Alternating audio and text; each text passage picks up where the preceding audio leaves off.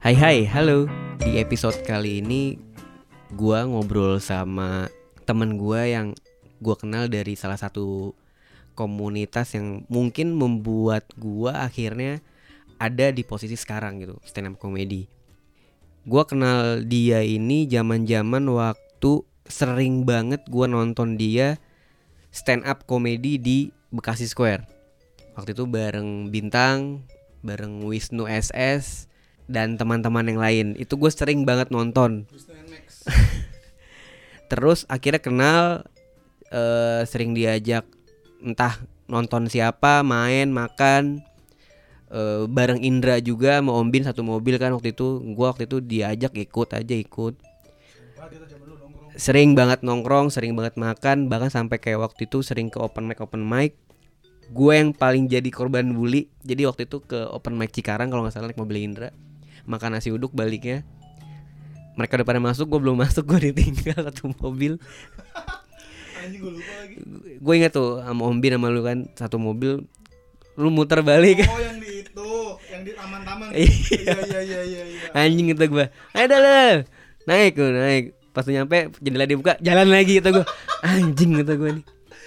Terus akhirnya ya kita berteman sampai sekarang eh curhat cerita dari yang segi pekerjaan terus pertemanan sampai eh mungkin yang menurut gue paling deep adalah soal perempuan. Di sini ada Arya Novrianus. Halo podcast apa namanya? gue masih takut sih ya. Eh gue nggak pede ya. Nggak tahu. Jadi ini kalau kalau dilihat di Spotify namanya terus terang. Terus terang, oke. Halo sahabat Philips. terus terang. Terus terang, Philips, Iya. terus terang. Eh, terus terang sebenarnya podcast ini gua buat ya karena memang gue pengen eh men-challenge diri gua. Apakah gue bisa membuat hal baru terlepas dari pekerjaan gue yang sebelumnya atau yang sekarang lagi kerjain? Jadi gua ya ibaratnya pelarian gue lah gue bikin apa sih sesuatu yang baru buat diri gua gitu. Berarti memang sebenarnya lu tanpa sadar tidak bisa lepas dari dunia ini karena dulu stand up, terus lu kan apa? produser. Sekarang jadi tukang emas. Tapi sifat untuk eh, bikin karir masih ada. Mantap, mantap. itu yang gue bersyukur juga karena mungkin dulu zaman zaman kuliah gue gabung stand up komunitas komunitas stand up komedi karena dari situ gue belajar gitu kan cara ngobrol sama orang baru terus ngobrol di depan orang banyak terus gue nulis terus gue nyiapin sesuatu yang apa yang mau gue omongin gitu kan termasuk saat ini gue bakal ngobrol sama lu Dan belajar juga kalau makin narkoba tuh nggak baik kayak Wisnu ntar. nah untung gue tidak berteman dengan dia sedekat itu ya gitu gue lebih baik teman sama lu deh jadi nggak jelas. Ada yang nggak jelas Wisnu SS jelas sekarang kerja di Nmax. alhamdulillah Youtuber berisik sekarang. Eh, dia bikin video tapi suara-suara noise-nya nggak dihapus-hapusin bangsat. Ada yang maling juga. Oh iya, gue lagi nyepuin. Anjing emang tapi ya itu perjalanan dari kita stand up sih Iya. seru juga sih. Alhamdulillahnya itu kan, karena ya kira gue bisa berkembang dan bertahan dengan apa yang gue bisa. Nah, jauh sebelum gue akan bertanya lu dengan hal-hal yang lain ya, lu dulu kenapa ikut stand up comedy? Karena pede aja gue bisa gitu. Karena gua merasa eh, gue seneng seneng lucu lah. Pasti kebanyakan orang anak-anak komik juga kebanyakan ikut stand up awalnya pede karena di tongkrongan kocak gitu. Pengen bikin grup lawak gak punya teman yang bisa tektokan. Terus gua nonton stand up Radit di YouTube segala macam. Wah lucu juga nih. Sendirian bisa ngelawak. Akhirnya gua tes tuh gue mau ke Kemang waktu itu gue nggak punya motor teman-teman gue juga kayak males ngapain sih jauh banget ke Kemang Jaksel gitu-gitu udah sampai akhirnya di, ternyata di Bekasi ada ya udah gue tes di situ. Dan tidak lucu awal-awal bangsat. Itu sekitar tahun 2011 kalau nggak salah ya. 2011 tanggal 8 Desember gue tampil setelah Panji Pragiwaksono Rindra Dana ponakannya Om dan eh, Rian Adriandi wah pecah tuh bertiga tuh. Das gue naik. Kagak ada yang denger satu pun anjing. Tiga menit gue turun. Tapi untungnya gue nggak nggak ini sih. Untungnya pas gue nggak ada yang ketawa nggak ada yang merhatiin gue nggak nyerah dan nggak udah berarti ah, ternyata susah nih gitu.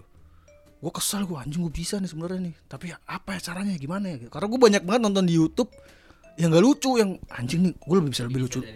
Gue tulis aja terus. Udah sampai alhamdulillah. Yang kedua mulai di dapat ketawa terus terusan udah deh sampai sekarang. Bener sih yang tadi lu bilang. Kayaknya beberapa komika tuh pasti inget pertama kali di open mic di mana MC-nya siapa, terus nontonnya siapa aja. Gue juga inget waktu itu kan. Gue datang pakai celana pendek sama teman-teman kampus gue, pakai kacamata. terus gue gue di heckling sama si siapa? Eh ya Awan ya? Eh? Awal, awal sama awal. Terus gue uh, ya gitulah gue anjing kalau dipikir-pikir anjing bodoh banget gue waktu itu. Terus ya uh, akhirnya lu menyadari apa yang sudah lu mulai saat itu dan lu merasa lucu dan menghasilkan uang itu di tahun keberapa? Cepet gue kayak kalau dimulai dapat duit sih cepet kayaknya sih. Berapa bulan kayaknya. Tahun kan tuh awal akhir-akhir 2011 2012 gue kayak udah dapet job deh. Soalnya gue dulu mikirnya eh uh, ini kan gue nggak kuliah. Terus gue nggak mau kerja kantoran juga meskipun dipaksa nyokap gue nah nemu ini gue bilang ke nyokap gue ini ini hari anggap kuliah sambil belajar. Jadi open mic kan nggak dapat duit tuh hitungannya ini gue latihan dapat jam terbang aja karena gue juga seneng nih ketika candunya tuh ketika gue ngomong dapat ketawa anjing mantep banget nih. Seneng banget nih gue harus bikin terus nih. Makanya gue dulu sampai ke Kerawang sampai ke Tangerang sampai ke Depok ke mana-mana dah buat latihan doang tuh. Cuman datang open mic ngomongin apa yang kita punya materinya udah. Jadi banyak temen di situ juga kan karena muter-muter. Mulai dapet job itu kalau nggak salah si ini uh, di Bekasi Square deh kalau nggak salah pertama kali itu. Yang kerja sama sama mall ya? Jadi mallnya sepi kita ngundang eh, itu ngundang stand up Indo Bekasi datengin orang uh, komika dan penonton ya? Gue lupa itu ya awalnya itu dulu apa gue masuk TV dulu ya? Pokoknya dulu tuh uh, ada open mic di Metro TV kan? Uh, dan ada audisinya saat itu. Jadi ada komik-komik yang dipanggil buat open mic ada yang audisi. Gue lewat audisi waktu itu. Gue Bata terus si Rian Bogel dulu anak Bekasi ada. Gua tes tuh di komedi cafe karena penontonnya juga peserta jadi tegang gak ada yang lucu. Kata gua anjing gua gagal kayaknya. Nah habis itu tetap dipanggil ternyata. Gua sama Bata dipanggil. Gua lupa itu dulu pas apa komik apa Bekasi dulu atau si Kompas dulu dulu ada komik action namanya uh, itu gue waktu di Metro open mic dibayar dua ratus ribu. Wah kayaknya itu dulu deh pertama deh feeling gue deh seingat gue karena gue seneng banget tuh dapat dua setengah. Anjing langsung gue habisin tuh buat jajanin temen gue yang nganterin. Makan makan di tebet tuh gue inget. Oh makan gue bayarin gue bayarin gitu lah. Udah terus barulah ke comic action. Comic action langsung dua episode dibayar satu juta setengah dua episode seingat gue anjing tuh kayaknya kalau gue inget di kesan kayaknya dulu harusnya bayarannya gak segitu tuh nah itu yang bikin gue kesel masih awal tuh. Disikat duit gue waktu itu kayaknya. Oh. tapi sih dia alasannya lupa. Karena gue gak punya rekening numpang numpang transfer, transfer ke dia lah gue nggak dibalik kagak dikasih kasih duit gue alasannya lupa. Ya cukup masuk akal alasannya. Baru habis itu ke Bekasi Square dapat lima ratus ribu kayak wah oh, anjing. Gitu gitulah diganti berarti kan? Uh, oke. Okay. mungkin saat itu kita tahu kita ikut stand up comedy kita uh, jadi komika dan open mic selain stand up comedy kita bisa nge-MC ya saat itu. Atau ada ada ada hal lain yang lu dapetin? Sebelum yang sekarang ya? Hmm. nah itu gilanya stand up adalah dia uh, dia bisa membuka banyak bakat yang ada di diri si komikanya gitu. Kalau dari gue sebelum gue bisa nge-MC gue justru kayak nge-MC biasa aja sih. Sampai sekarang pun gue merasa nge-MC cuman ya udah biasa aja cuman ngomong oh, cuman bisa ngomong terus. Ngelucu aja bukan jadi MC yang benar-benar MC bakat gue yang terbuka sebelum MC MC dan lain-lain adalah selain stand up itu komik gambar. Oh, yeah. gue suka gambar gue posting di Twitter. Twitter rame orang suka. Lumayan tuh waktu itu namanya komik anus lumayan rame lah saat itu uh, terus itu sih nggak menghasilkan. Itu buat happy happyan gue juga. Nah dari komik itu ada editor ngeliat editor nyari akun pribadi gue dia baca blog gue di situlah terbuka bakat gue nulis. Karena gue emang suka nulis dari zaman zaman dulu lah zaman zaman sekolah. Karena baca baca novel gue nulis editor seneng tulisan gue gue diajak buat bikin buku. Itu 2013 mulai diajak terbitnya 2014 gue nggak salah akhirnya waktu itu lo bikin buku ya? Waktu itu bukunya apa namanya? Keluarga Cemaria. Gue punya tuh. Tapi nggak tahu sekarang ada di mana. Yang gue inget adalah eh, adek lu ngencing di pohon terus pohon palem ya gitu-gitu yang gue inget tuh itu doang deh. Iya itu kayaknya inspirasi gue dari Radit Dika. Dulu kan gue seneng baca buku dia yang kambing jantan. Kata gue anjing ternyata kejadian sehari-hari bisa ditulis Terus orang banyak yang suka. Udah gue mulai nulis tuh dulu di kaskus gue nulisnya. Banyak yang suka lumayan tuh Ya karena tulisan gue dihapus gue pindah ke blog Udah gue taruh aja link blog itu di Twitter Meskipun udah nggak gue update lagi tulisannya Eh editor suka Baca itu gue bikin gitu Kayak Radit gitu lah bukunya Oke. Berarti ya walaupun lu bisa nge-MC tapi yang nggak lucu dan nggak nge-MC banget ya so-so lah ada lucunya ada nge-MC formalnya juga. Terus lu punya keahlian eh, nulis komik. Ya padahal kalau sebenarnya ditarik ulur ke belakang lu sebenarnya suka sama anime juga kan terlepas dari lu suka komik karena lu suka anime. Akhirnya lu bikin komik terus bikin buku. Nah, ada ada di tahun berapa ketika lu sadar pekerjaan lu yang eh stand up comedy ini akhirnya menjembat menjembatani lu ke pekerjaan yang lain. Soalnya waktu itu gue sempat inget lu pernah ngomong zaman gue masih kerja di radio lu pengen jadi penyiar. Iya benar.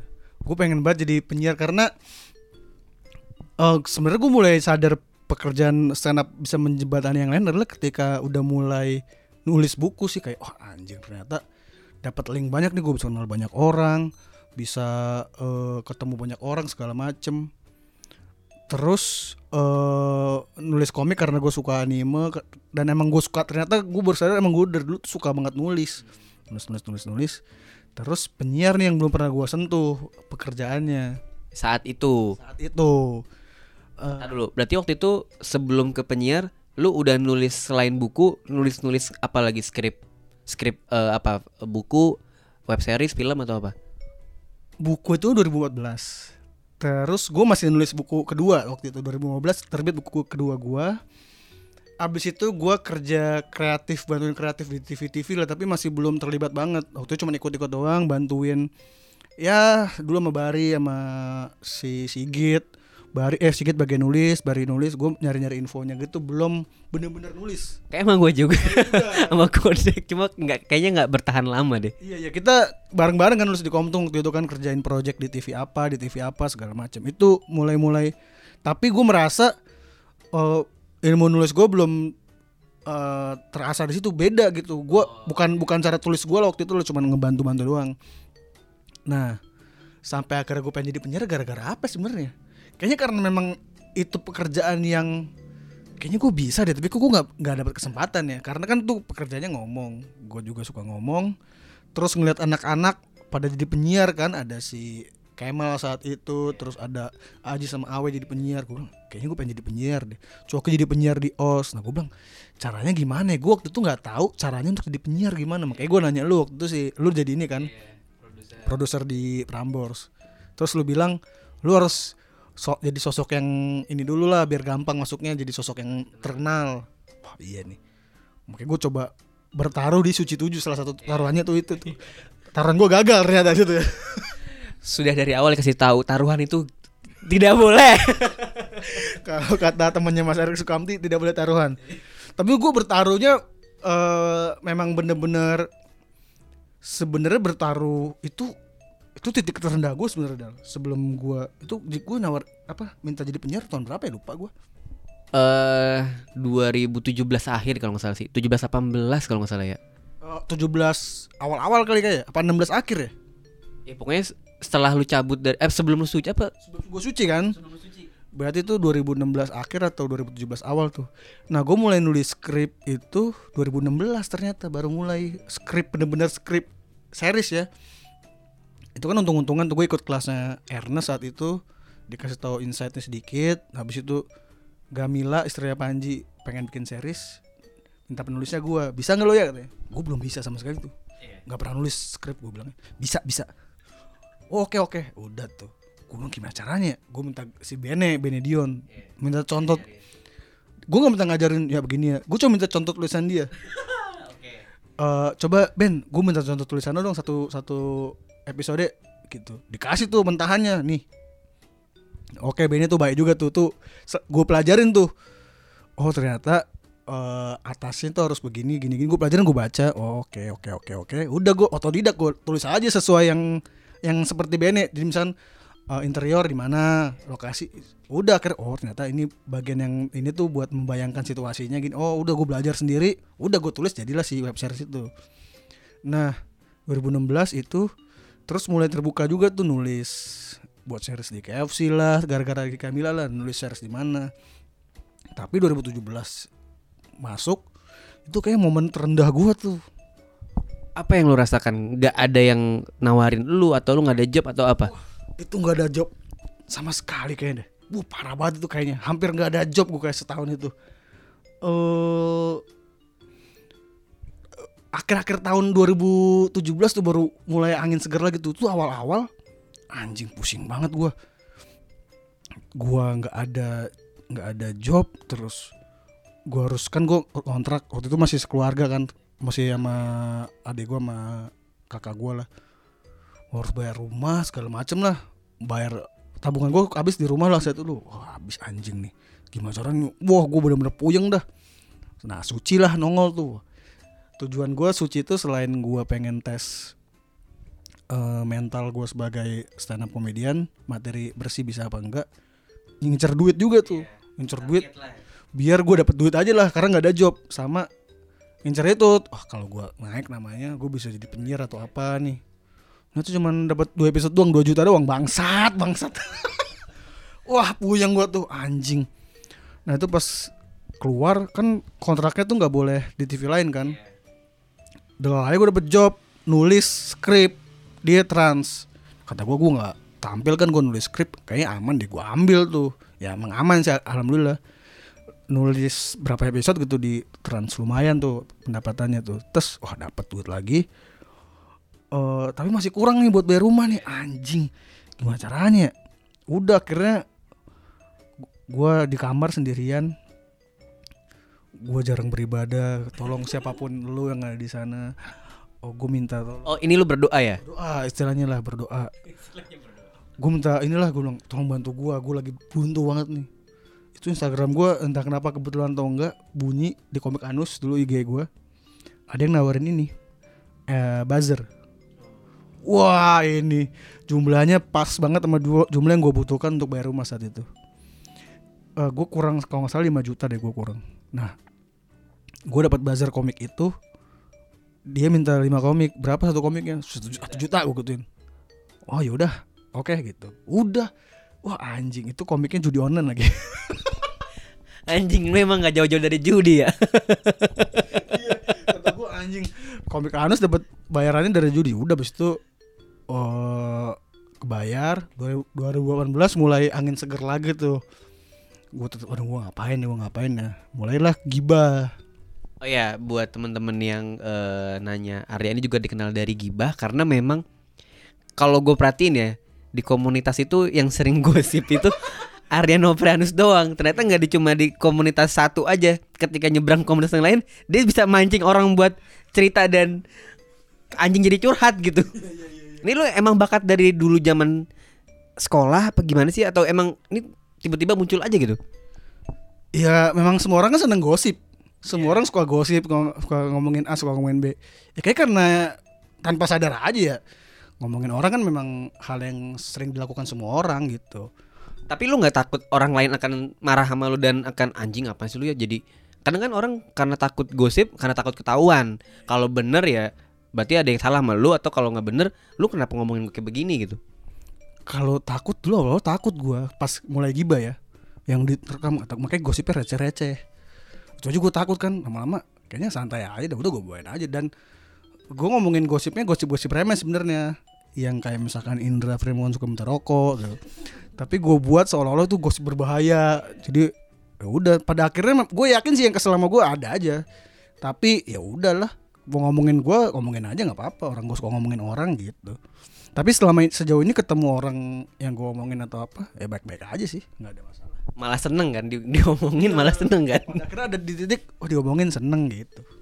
Nah itu tuh udah zamannya YouTube lagi terkenal dan lagi naik banget. Dan lu juga dikenal dari situ kan sampai lu ada bikin gibah live ya?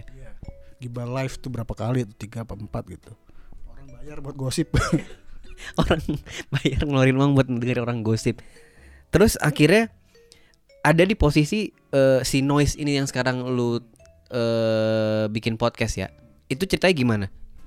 Itu kan awalnya kan gue kan suka melakukan hal yang baru kan.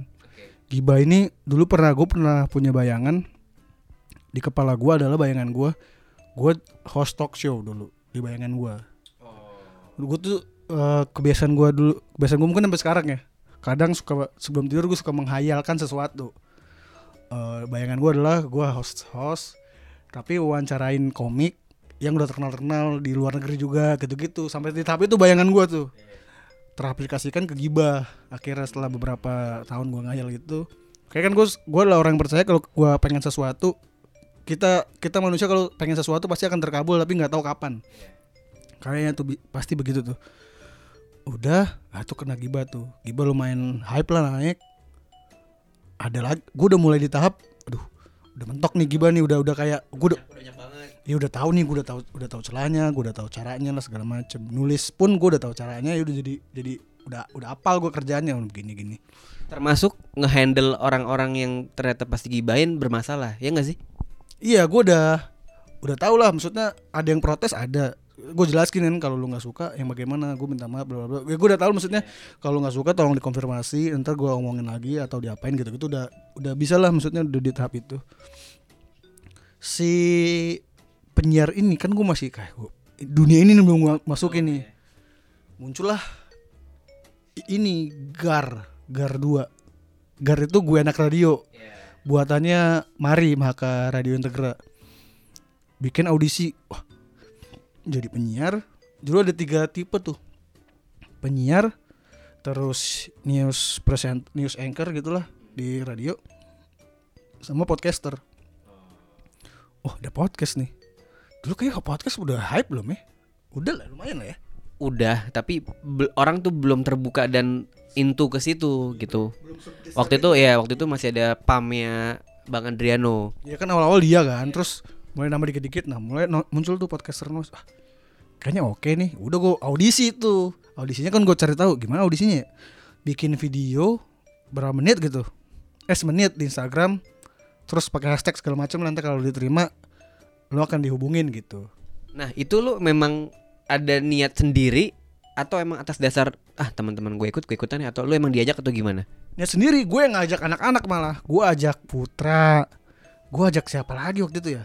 Pokoknya ikutan yuk ayo ikutan audisi nih gitu. Karena eh kayaknya banyak anak-anak stand up juga yang gak ikutan ah, ngapain ngapain? Mungkin gitu. Ini mungkin seujuan gue atau gue nggak ngerti tapi anak stand up waktu tuh kalau nggak salah cuma ada dikit lah gue coba tes karena kan nih gue anggapnya pelajaran yang baru nih gue belum pernah dunia ini apa isinya ya. Gue audisi sama Putra video bareng diterima berdua untuk masuk ke 5000 eh podcaster. lah eh, 5000 semua lah audisi lah di suatu tempat di Jakarta Utara gue lupa namanya apa. Udah tuh bikin video instastory lah apalah gue ikutinnya semuanya. Dipapas lagi jadi 100 Cat. Iya, gue pede kayak masuk nih 100. Masuk lah 100 tuh diumumin via apa gitu lupa gue. 100 masuk, udah tuh mulailah kayak eh seminar-seminar gitu. workshop Workshop bener workshop kasih pelajarannya ABC segala macam. Oh gini gini oke oke. Terus udah 100 dipapas lagi jadi 50 saat itu 50 gue termasuk lagi ah udah 50 dipapas lagi finalnya 25 nah, 25 gue masuk tuh finalnya tuh ini kayak penghuni terakhir gitu gak sih lu di karantina di rumah terus ke workshop gitu-gitu Enggak.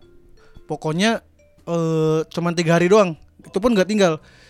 Tiga hari berturut-turut harus ikut workshop itu wajib gitulah. Gua mah ikutin aja dapat pelajarannya apa apa apa. Udah. Nah baru tuh pas belum besar ikut lagi. Gue gagal. Gue nggak menang. Jadi selama workshop itu yang dites apa? Maksudnya akhirnya lu lolos lolos lolos akhirnya lu nggak gagal gitu? Itu tuh lolos lolosnya karena misalkan eh ada praktek apa suruh maju nanti dinilai juga. Jadi Jadi kita tuh dilihat dinilai dari cara kita bersikap di kelasnya seperti apa atau lu nanyanya apa. Bahkan yang kebanyakan nanya pun ada yang nggak lolos karena ini orang caper nih ya gitu. Ada yang gitu gitulah nilai-nilainya gue ngerti sih tapi kalau lo disuruh apa lo bisa melakukannya mungkin ada nilai plus ada nilai plus gitu. Gue mah tipe waktu itu nggak jarang nanya gue jarang maju juga maju kalau disuruh aja maju gitu. Dulu pikirnya yang penting gue kalau kocak udah kocak aja lah gitu gitu udah nah pas final suara gue habis. Habis habis habis agak ada suara. Lu habis ngapain waktu itu? Habis eh, ngisi acara, show apa apa?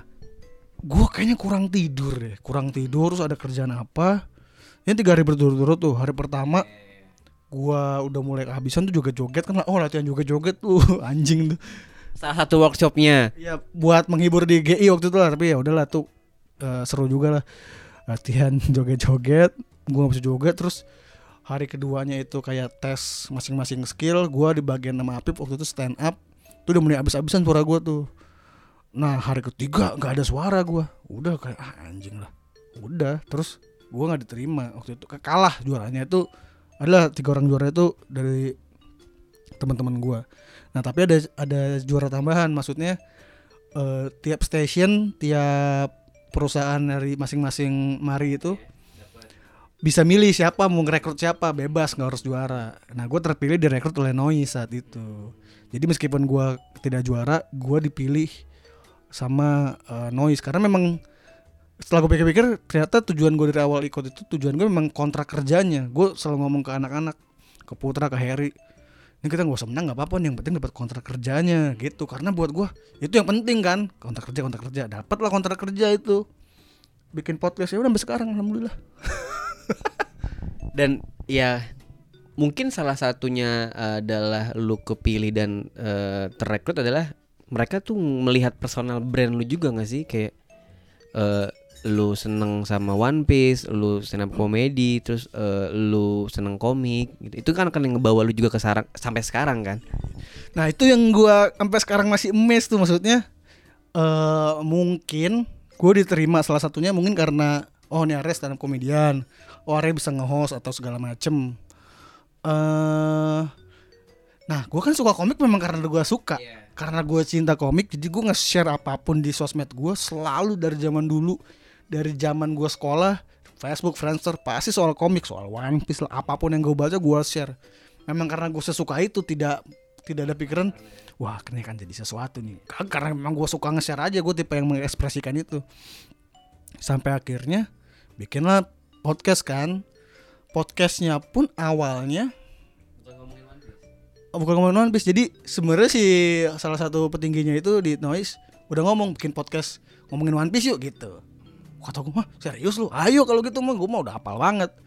Nah tapi waktu itu rencananya adalah dua dua program gua. Satu One Piece itu tidak jadi utama. Sebulan cuma dua kali. Sisanya ada adalah konsep yang talk show juga dengan konsepnya si noise inilah. Gue bilang oh yaudah nggak apa-apa gitu.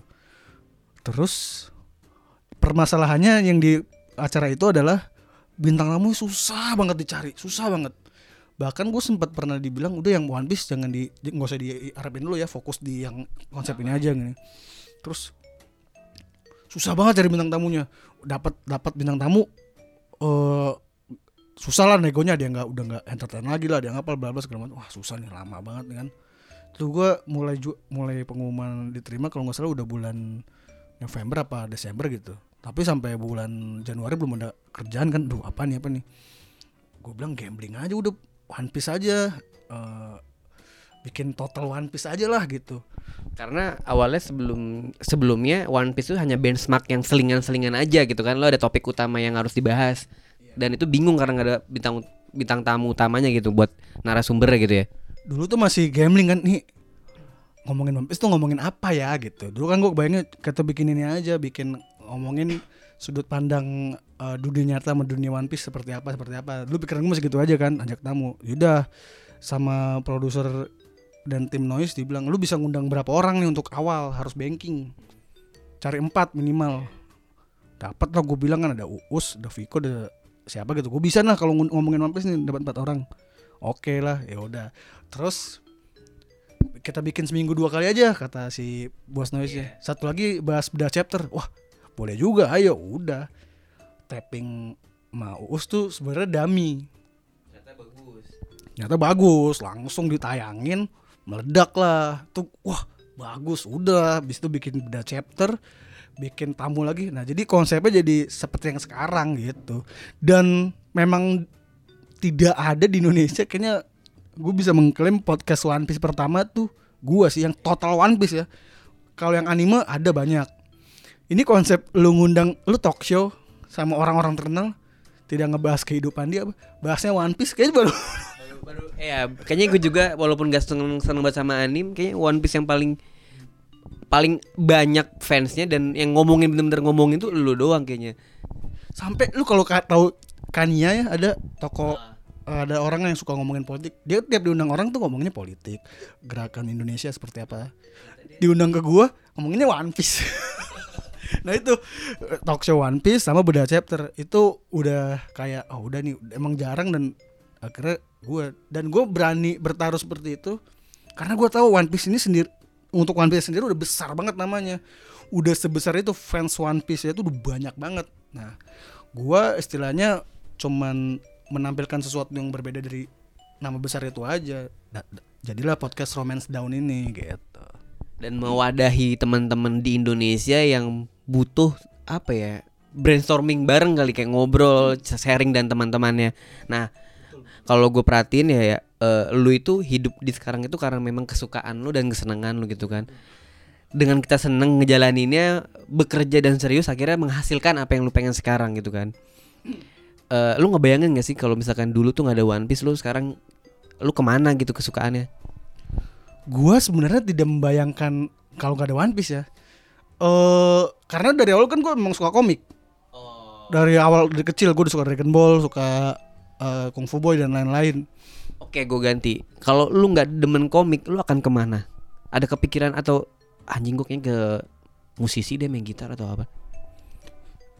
Wah itu karena gue nggak kebayang sih Karena dari kecil memang gue Soalnya dari kecil suka komiknya Gue suka komiknya dari kecil Suka main gitar pun cuman tes-tes Tapi untuk hobi yang bener-bener hobi Yang gue suka Ini komik sih Anime segala macem Ya itu la- larinya ke situ Mungkin kalau orang kecanduan beli rokok Gue kecanduannya waktu itu ya Baca komik beli komik gitu Jadi kalau kalau gue gak suka komik Gue nggak tahu sih Gue akan suka apa Tapi Gak ada di pikiran gue sih Memang ya dari awal udah suka aja. Kalau lu nggak ada komik, apa yang lu rasain dari tubuh lu? Kayak lu sehari nggak baca komik atau sehari nggak ada komik ya?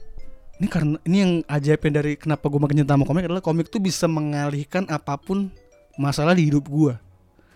Gue nggak tahu. Jadi ketika gue lagi pusing misalkan, terus gue baca komik nih, gue lupa tuh semua masalah. Gue fokusnya di itu, fokus di ceritanya, keseruannya, ketawa-tawa. Tapi pas udah kelar, ingat lagi. Jadi komik itu kayak buat gue pribadi baca komik itu udah bener-bener jadi hiburan yang bisa ngelepasin capek penat apa udah di tahap itu. Mungkin kalau orang kayak gitunya ke narkoba ke rokok gue ke komik kayaknya. Untung aja ke komik ya.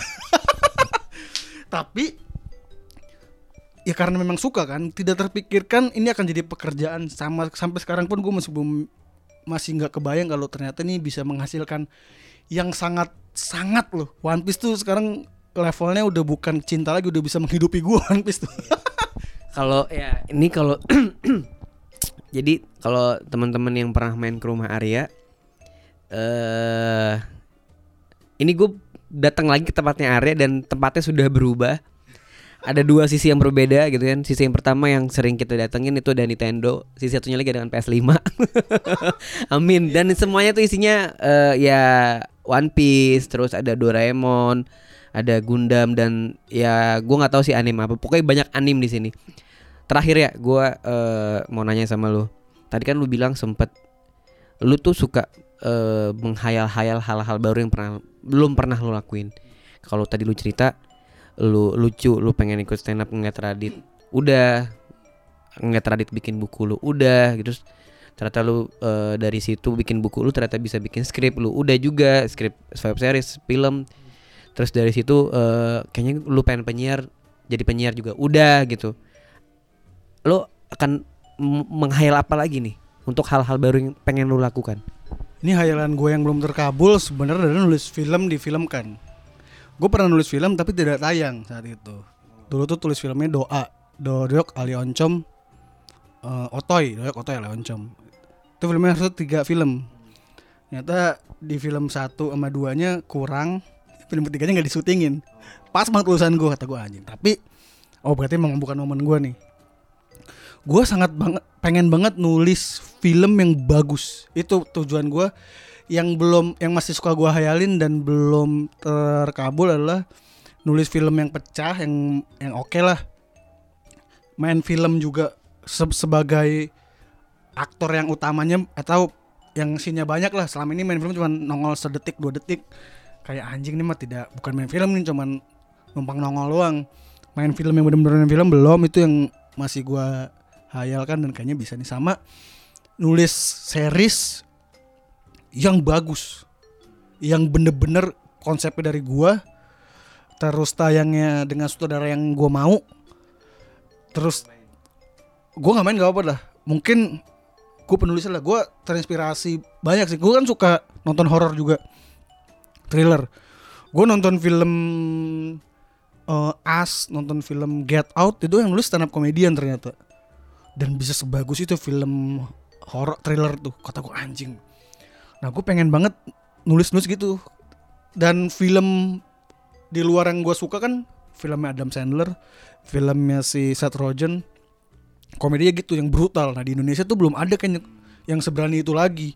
Bahkan di film Particular aja buat ngisep ganja masih takut di shootnya cuma asap gitu. Nah yang sebrutal Seth Rogen, Adam Sandler belum ada lagi. Nah gue pengen banget suatu hari nanti gue bisa bikin film yang selevel itulah, selevelnya Seth Rogen, selevelnya Adam Sandler dan bisa nulis series yang gue udah ada ada gue sebenarnya udah ada satu series yang ini kayak dijadiin bagus nih. Oh. belum ada di mana pun. Belum. Belum ya waktu itu waktu kelas Ernest gue kasih skrip ini buat film tapi kata Ernest bagusan film pendek dia suka sama skripnya tapi setelah gue pikir-pikir kayaknya dijadiin series atau jadi film besar oke nih kebayang udah kebayang nih kayaknya nih kalau dijadiin bagus nih konsepnya kayak kepedean gue aja ya kepedean gue kayak konsepnya oke.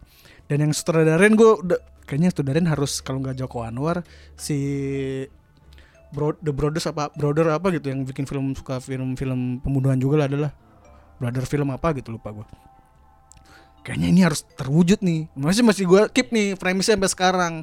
Gitu. Jadi yang belum tercapai adalah dan nulis film sih mungkin dalam waktu dekat alhamdulillah Ada. meskipun bukan tayang di bioskop tapi formatnya udah film lah. Film pertama kalau ini jadi ini jadi film pertama yang gue tulis.